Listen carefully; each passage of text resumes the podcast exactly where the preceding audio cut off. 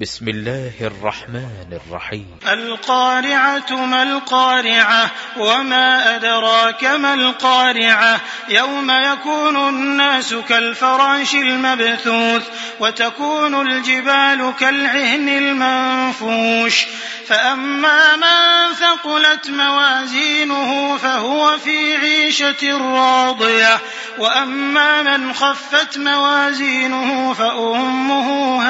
هي وما أدراك ما هي نار حامية